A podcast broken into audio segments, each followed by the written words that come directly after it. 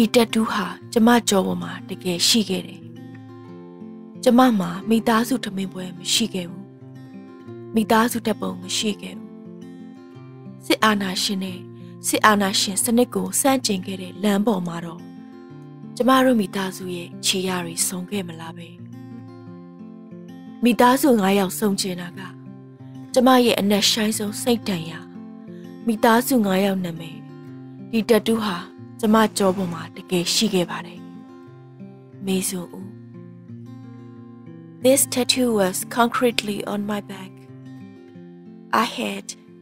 neither family dinner feast nor family photos. Opposing the military detectives and the military detectiveships, on the protect ways, the footprints of our family might they meet there? My desire to meet our five family members together that deeply traumatized my heart. Names of my dear members were tattooed on my back. Concretely, eternally, actually.